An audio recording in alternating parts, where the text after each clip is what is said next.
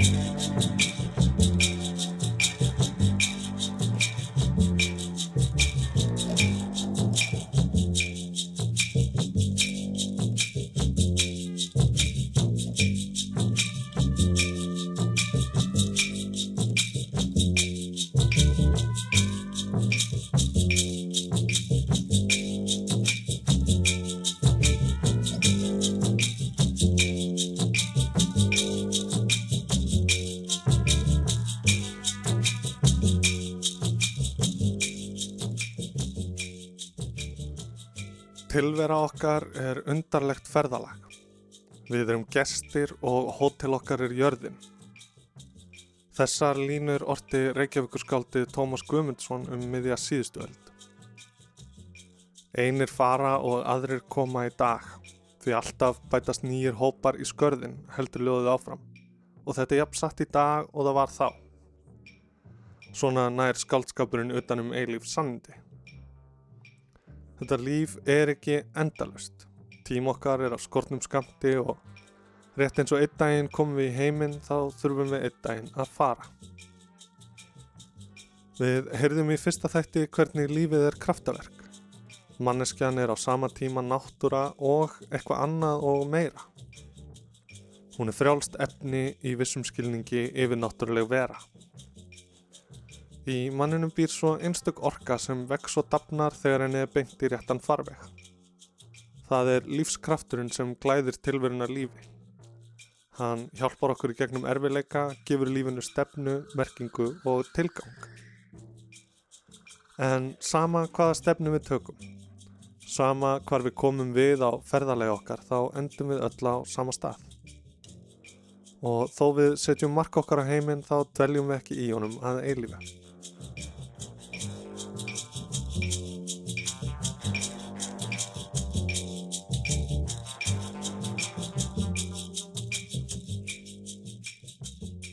Stóra spurningin sem við stöndum öll framið fyrir á hverju einasta augnabliki er hvað við ætlum að gera við hennan tíma sem okkur er útlutað. Hvað ætlum við að gera úr þessu kraftaverki? Hvert beinum við lífskraftinum? Hvað ætlum við að skilja eftir okkur og hvernig munum við bergmála um heiminn? Með öðrum orðum, hvað er hitt góða líf? Ég þykist ekki geta svarað í eitt skipti fyrir öll. Ég er bara einn maður og hvert okkar þarf að finna sitt svar í orðum og gjörðum.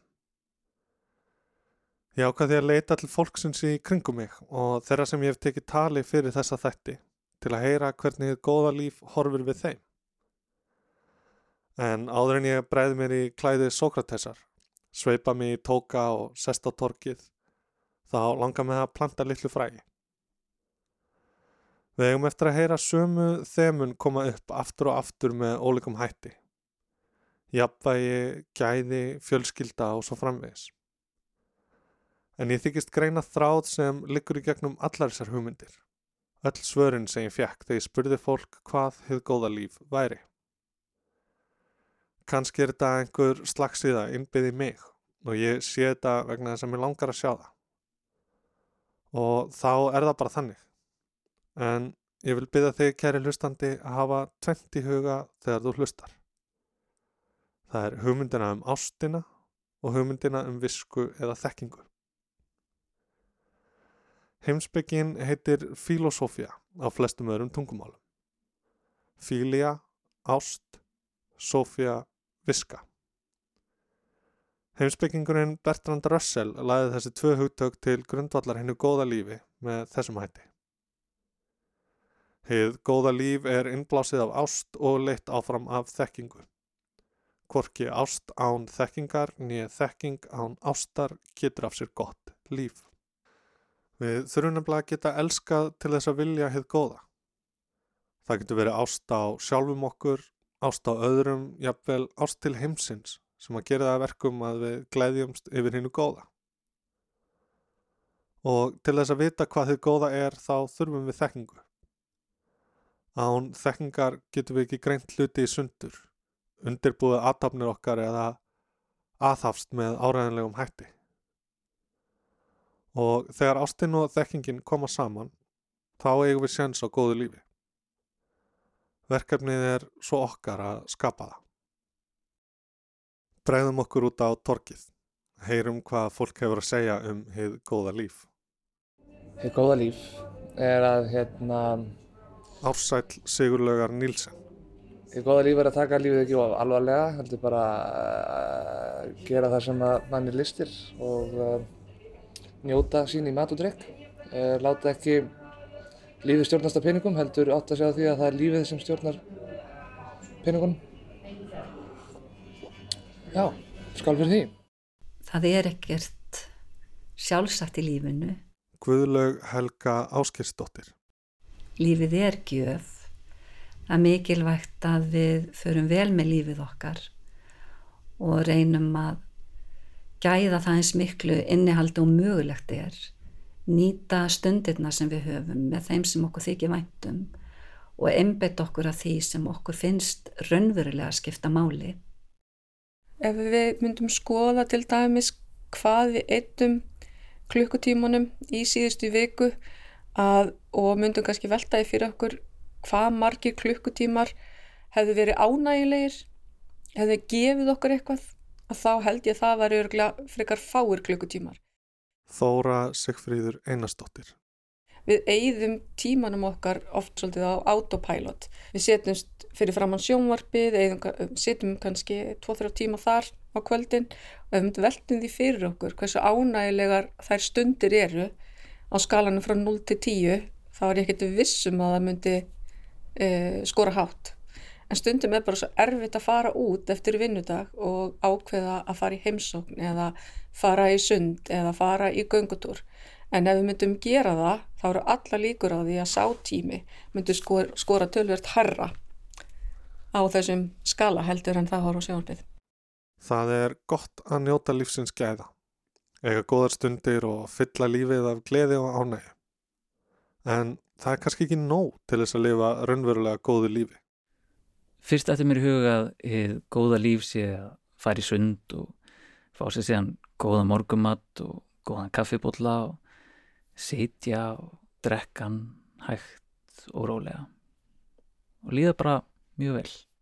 Tómas Ævar Ólafsson En það er svona svolítið einstaklingsbundi og kannski svona sældarhyggjulegt og kannski alveg gott líf út frá sjónarhortni neysluhyggjunar. Maður er góður neytandi ef maður sér þetta sem hefur góða líf. Við þurfum sjálf að vera gætt einhverjum einleikum sem eru góðir. Til dæmis það að vera fordumalaus hjálpa öðrum af því það kemur alltaf tilbaka og vera í eins og ég er svo heppin ég, ég hef aldrei sótt í vinnu ég, ég lífi leiði mig alltaf eitthvað Marja Sif Danielsdóttir það kemur alltaf eitthvað til mín og yfirleitt er það bara eitthvað sem er frábært þar sem ég fæ að skapa búka til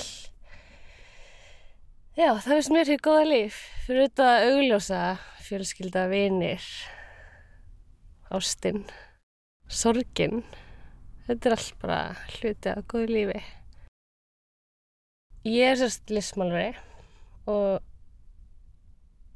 það henda mér rosa vel að vera í veitingabransanum af því það er í innanum rosalega mikið fólki. Þar far ég útrást fyrir að vera ég og brosa og hlæja og tala við fólk og pæli fólki og náttúrulega þjóna og síðan þegar ég fríi þá lóka ég bara af og er bara að mála og hlusta tónlist.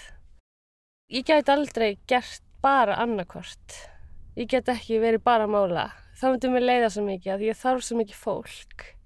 Ég get ekki bara verið að vinna að veitingastað því þá myndi ég ekki fá útráðs fyrir að skapa.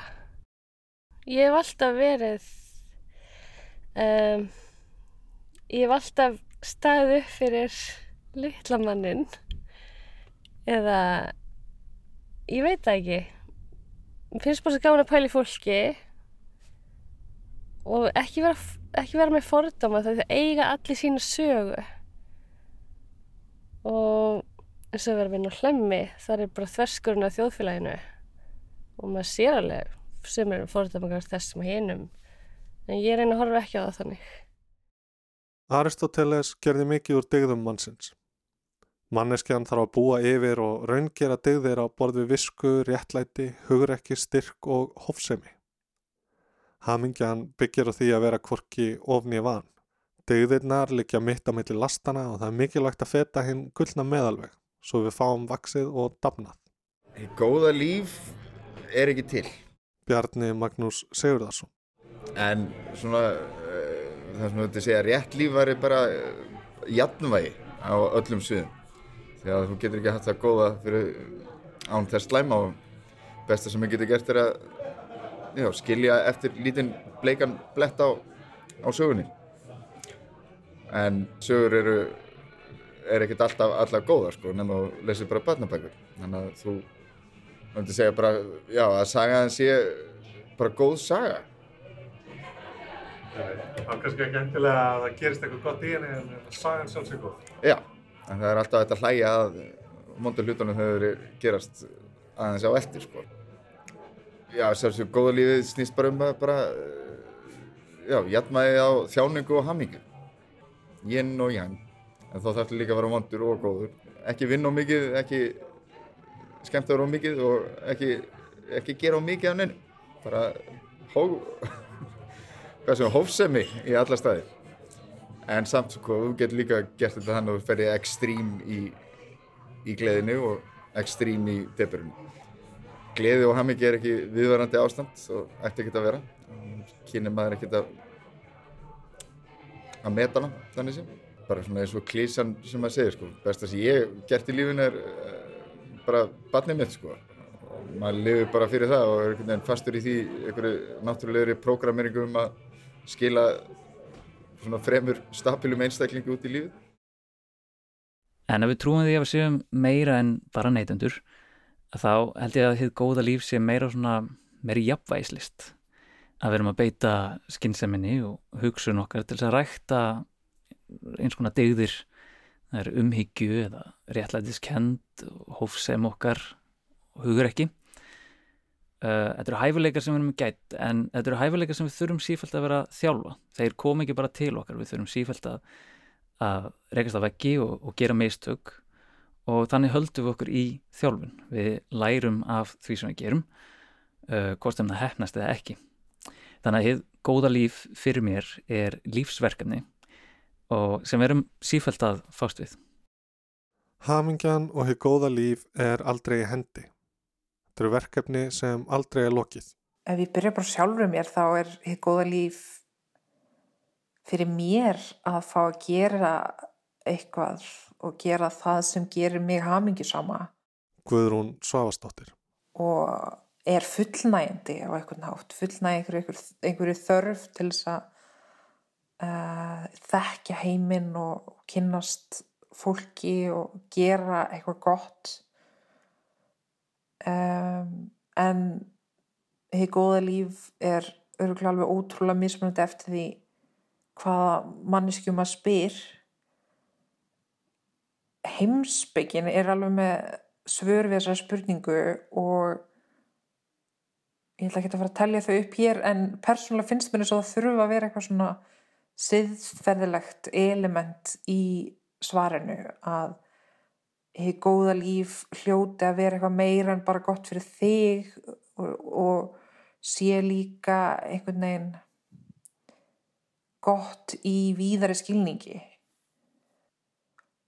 þegar ég byrja að hugsa um þessa spurningu sko fyrst hljóm var hún frekar einföld uh, en þegar, maður, þegar ég byrjaði að hugsa um hana þá fannst mér eins og hún yrði alltaf erfiðar og erfiðari eftir því sem ég gróf neðar og neðar um, og þetta er líklega bara svona erfiðasta spurning sem maður fær af því þetta er það sem næstu því lífi snýst um að reyna að svara þessar spurningu. Maður er alltaf að reyna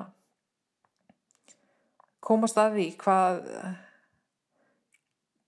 eh, gerir líf manns gott eh, og þá kannski ekki að svara því í orðum heldur meiri verki Heið góða líf verður ekki til upp úr engu. Það sprettur ekki upp úr tóminu fullskapað. Ákveðnum grunnþáttum þarf að fullnæga svo leitin að haminginu geti átt sér stað. Til þess að geta átt gott líf þá þarf maður að hafa öryggi og grunnþörfan þarf að vera seint. Þannig að maður þarf að hafa öryggt húsnæði. Áskerður Ágústa Jóhannsdóttir. Maður þarf að hafa góða heilsu og maður þarf að hafa ís og á. Þannig að þegar að grunnþörfunum hefur verið sitt, þá, þá er það spurning ofan á hvað er maður að byggja. Og maður byggir gott lífið þetta á því að vera bæðið til gags, geta staðið sig einhvern veginn, hugsa um fólki sitt, gefið eitthvað af sér og láta eitthvað gott að sér leiða í tilverunni. Ég held að það skiptir máli. Og og sækjast eftir einhverjum raunverulegum gæðum í lífinu, ekki eldast við yfirbúrskenda hluti. Gott líf er fyrir mér jafnvægi, kærleikur, umbyrðalendi og öryggi. Og til þess að geta að lifa góðu lífi þá þarf maður að hafa góð tengsli fólki í kringu sig, maður þarf að geta verið til í samfélaginu á einhvern hátt sem er gefandi og jákvæður. Það er það sem að mér finnst eftir, eftirsóknarvert. Í hennu góða lífi getur líka falist einhver ákveðin barátta ef þú ert tilbúin til að leggja eitthvað á þig fyrir samfélagið, þú ert tilbúin að leggja eitthvað á þig fyrir meðborgarriðina og ég held að það sé gott lífið að þú finnir tilgang þar sem að þú leggur eitthvað mörgum inn í samfélagi hvað svo sem það er sko. Hver og eitt þarf að finna sinn stað en ég tel það að vera gott líf ef að einstaklingurinn getur á einhverju sviði uh, gefið í samskiptu við aðra í samfélaginu ekki bara tekið sko. Að gefa og taka halda eldinum gangandi. Já, heið góða líf, heið ljúfa líf er raunverulega sko hérna rétt að nálgunin á það er eldurinn. Ímir Björgvin Artúrsson. Sko eldurinn hérna sér er í rauninni kannski byrtingamind hins ljúfa lífs en sko allir verið að finna eldinn og lífið er rauninni eins og sko samhangandi eldur vegna þess að það, að það, að það sko til þess að eldurinn nærist þá er það ná, ná í hérna í, í timbur þannig að þú fyrir skó og högg og eldi við og það er í rauninni þá er það að sapna orkunni. Sapna í sarpin og hérna og svo þegar eldunni komin þá ertu ólíuna og kveikja og svo brennur þetta.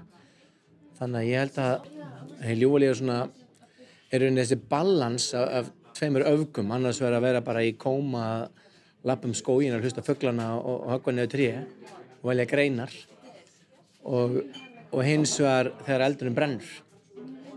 Og og ólíjan náttúrulega er eitthvað sem það líka. Og næringin eins og ólíjan á eldin er kannski mismæðandi en ég held að forvitni sé uppspretta eldsins. Og ef þú hekkur hérna trén og, og, og raðar þeim upp og, og býður á lengi kveikir ekki í þá, þá er það ónið spreg þannig að ég held að þið ljúalið sé svolítið að djokla þessum tveimur öfgum að hlaða batterín og að nota þau, klára þau. Og forvitnin er ólíana sem vökvar eldin og nærir eldin að miklu leitir en þú kannski eh, nærir sprekinn en þú vart að setja ólíunus á þau. Án ólíunum kannski kemur sér í gang sko. Og þessi eldspýta má segja. Og, hérna, og, og forvitnin í mínu töffelli þá er það í rauninu að ferðast. Þá nærir þau öll skilningavitt að nú er lífið bara stutt stuttparti og þú vilt bara skála þess ofta á hægt er í þessu stuttaparti og njóta og kvíla hann á milli. Og, og ferðalög þá ert að næra skilningaveitin og ég er náttúrulega vinn sagt, með útendingum mjög mikið. Þannig ég get ferðast án þess að fara í burtu. Þannig ég ferðast í grunum þá. Og það nærir sagt, mína forvitni þegar ég spyr þá hvað er þið verið og hvað er þið gert og, og þannig ég næja næra rosalega mikið af hérna, félagsskynningsviti mínu. Það er svona þetta er svolítið þetta er svolítið held ég galdurinn að að njóta þess að ná í sprekin þá er ég að elda eða að grilla og svo kveika í þessu öllu og brenna fyrir það. Og svo þegar það er svolítið búin að brenna og kveika þá er það þess að áður en heldur sloknar verður að drífa þetta í skotur náði meira og hlaða á eldin en ég hef mikið stútir að hvað er þið ljúalíf og, og tilgangur með því. Og spurði mitt afa minn sem að sem að ól mig upp á miklu leiti og, og var mörguleiti mín föður ímynd að rétt svona rétt árna hann fekk vangina sína 94 ára gammal og þá spurði hann afi minn hvað, hérna, hvað er hvað er besta moment? Bara nefndi þrjú moment eða besta moment lífsins. Og hann hugsaði sig ekkert um og sagði það er alltaf að vera með fjölskyldunni á fallugum sumardegi í Íslandri náttúru. Bara saman. Hvað sem er að týna beri eða grilla njóta sko. Þannig að ég held að, að það sé akkurat þá er hann að ná í jeldi við henn sko. Að það hlýtur eiginlega að vera stór partur af því að halda eldinu við líka og, og því ljúfa líf getur aldrei orðin ef maður kunnir að, að fyrirgefa öðrum og sjálfum þér og einhvern veginn losa þessar byrðar til þess að vera fráls í lífinu sem okkur er út af þetta núna. Ég hef hérna fyrir fram á mig japanska uppskrift af þínu góða og meiningafulla lífi sem þeir kalla Ikigai. Hallur Ingólfsson. Og þessi mynd samastendur af hringjum fjórum hringjum og fyrsti hringurinn er það sem að þú elskar. Annar hringurinn er það sem þú ert góður í. Þriði hringurinn er það sem þú getur fengið greitt fyrir. Og fjórði hringurinn er það sem heimurinn tarnast. Það sem að fyrstu tveir hringirnir það sem þú elskar og það sem þú ert góður í mætast. Þar er þráinn það sem þú brennur fyrir, passion það sem að hringur tvö og þrjú mætast það sem þú ert góður í og það sem þú getur fengið greitt fyrir þar er starf. Þar sem að það sem þú getur fengið greitt fyrir og það sem heiminu þarnast skarast þar er skildan og það sem, að, það sem heiminu þarnast og það sem þú elskar mætast þar er hvað segir maður, markmiðið og það sem allir þessi ringir skarast það sem þú elskar, það sem þú ert góður í það sem þú getur fengið greitt fyrir og það sem heiminu þarnast ástríðan starfið skildan og markmiðið mætast. Allt þetta er ikigai uh, líkillina góðu og, og fullu lífi fulla meiningu þá. En ég man að fyrsta skipti þar sem að ég notaði hugtakið þið góða líf bara svona upp úr eigin hugsunum það er ekkert svo langt síðan það er kannski svona hálft ár. Þegar ég var að heimsækja döðvona bróður minn í Noregi.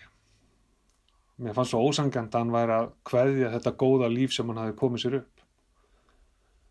Hann bjó með dásanleiri konu í fallegu húsi sem var svona, já, svona ívið stort fyrir þau þar sem að börnum voru uppkomin. Með fallegum gardi allt í kring sem hann hafi unun að því að rækta og, og bara vera í bara, þetta var virkilega fallegt, friðsvælt og í húsinu hann komið sér fyrir svona hobbyherbyggi sem hann gatt sint sínum áhuga málum og einhvern veginn hann, hann hafði áhuga á pólitík og hann var orðin sem sagt formaður í sínum flokki, í sínum byggðafélagi og einhvern veginn allt virtist hafa gengið ofslega vel og hans byði svona þetta góða líf en hins vegar svona þegar ég hugsaði sjálfur veist, hvað er þið góða líf og hvenar hefur manni liðið best? Svona burt sér frá öllum kenningum sem maður hefur lesið sem að kannski, jú, jú, eru margar hverjar ágættar að þá það sem maður hefur fundist maður mest lífandi er þegar maður einmitt er að hérna, fást við einhvers konar áskoranir stendur fram fyrir einhverja lang eitthvað og svona, þá einhvern veginn kveiknar lífsþóstin upp og maður hefur að einhverja stefna og hérna maður finnur að maður getur náði þannig að svona hæfileg markmið og áskoranir. Eins verður maður oft finnur maður oft mest fyrir lífinu þegar manni líður ekki vel. Það er einhvern veginn er svo skýrt hérna lífið þá miklu skýrar heldur oft á gleðistundum sem verðast oft svona órunverulegri eða léttvægari eða hvernig svo sem er. En ég held að vegfærin svona að hennu góða lífi mótist svolítið af því sko að maður hafi hæfilegar áskorunir alltaf, maður hafi eitthvað að stefna að, maður geti sagt, fundið sér vaksa og verða betri. Og þannig sagt, brínist maður allt lífið, það sé í rauninni góða líf, að maður hafi passlegar áskoranir og geti vaksið og finni sig vaksa og verða að einhverju og verða vita meira í daginn í gær. Ég myndi segja að það væri því góða líf. Þannig að þetta góða líf eins og það byrtist mér hjá bróðum mínum virtist kannski vera meiri kyrsta heldur en að það væri miklar áskoranir fyrir þetta náttúrulega þessi ræðilegu veikindi. Þið góða líf er ekki eitt heldur mörg, jafn ólík og við erum misjöfn. Og ein manneska getur jafnvel lifað mörgum góðum lífum sem taka með af aðstæðum hverju sinni og hvernig manneskjan sjálf er, þroskast og breytist. Hvert og eitt okkar þarf að takast á við þetta verkefni sem lífið er. Vinna úr því sem okkur er gefið og reyna að skapa eitthvað nýtt, eitthvað gott fyrir okkur sjálf og aðra. Meira er það ekki að sinni. Ég þakka samfélgina.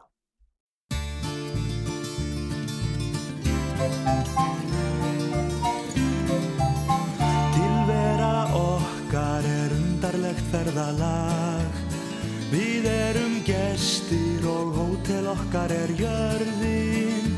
Einir fara og aðrir koma í dag Því alltaf bætast nýjir hópar í skörðin.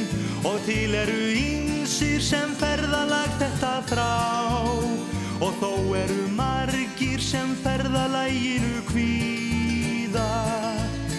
Og sumum liggur reyðinar ósköp á. En aðrir setjast við hótelklukkan og Býða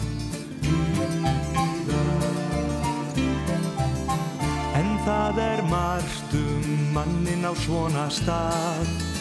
Og meðal gestan er sífældu því svo læti. Allt lendir í stöður í keppnum að koma sér að.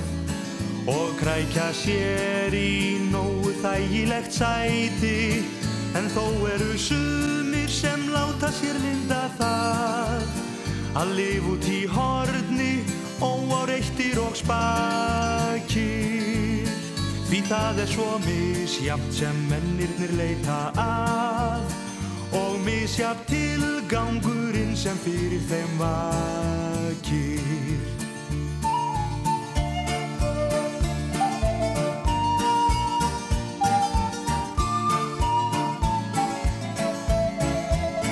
En mörgum finnst hún dýr þessi hótelvöl Þó deilt sé um hvort hótelið sjálft muni græða En við sem ferðumst eigum ei annars völ.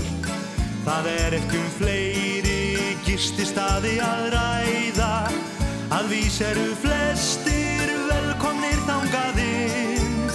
Og viðbúnaður er gestirnir kom í bæinn. Og margir í allsnæktum munar þar fyrst um sinn. En áhyggjan vex er menn nálgast burtferðar dægin Dægin Þá streymir svo hugsunum oss sem ískaldur foss. Að allt verði loks upp í dvölina tekið frá oss. Er dauðin sá mikli, rukkar í réttir oss. Rekningin yfir það sem var skrifað hjá oss. Þá verður oss ljóst að framar ei frestur gefst. Né færi á að ráðstafa nokkru betur. Því alls sem lífið lánaði dauðin krefst. Í líku hlutfall og Metúsalem og Pétur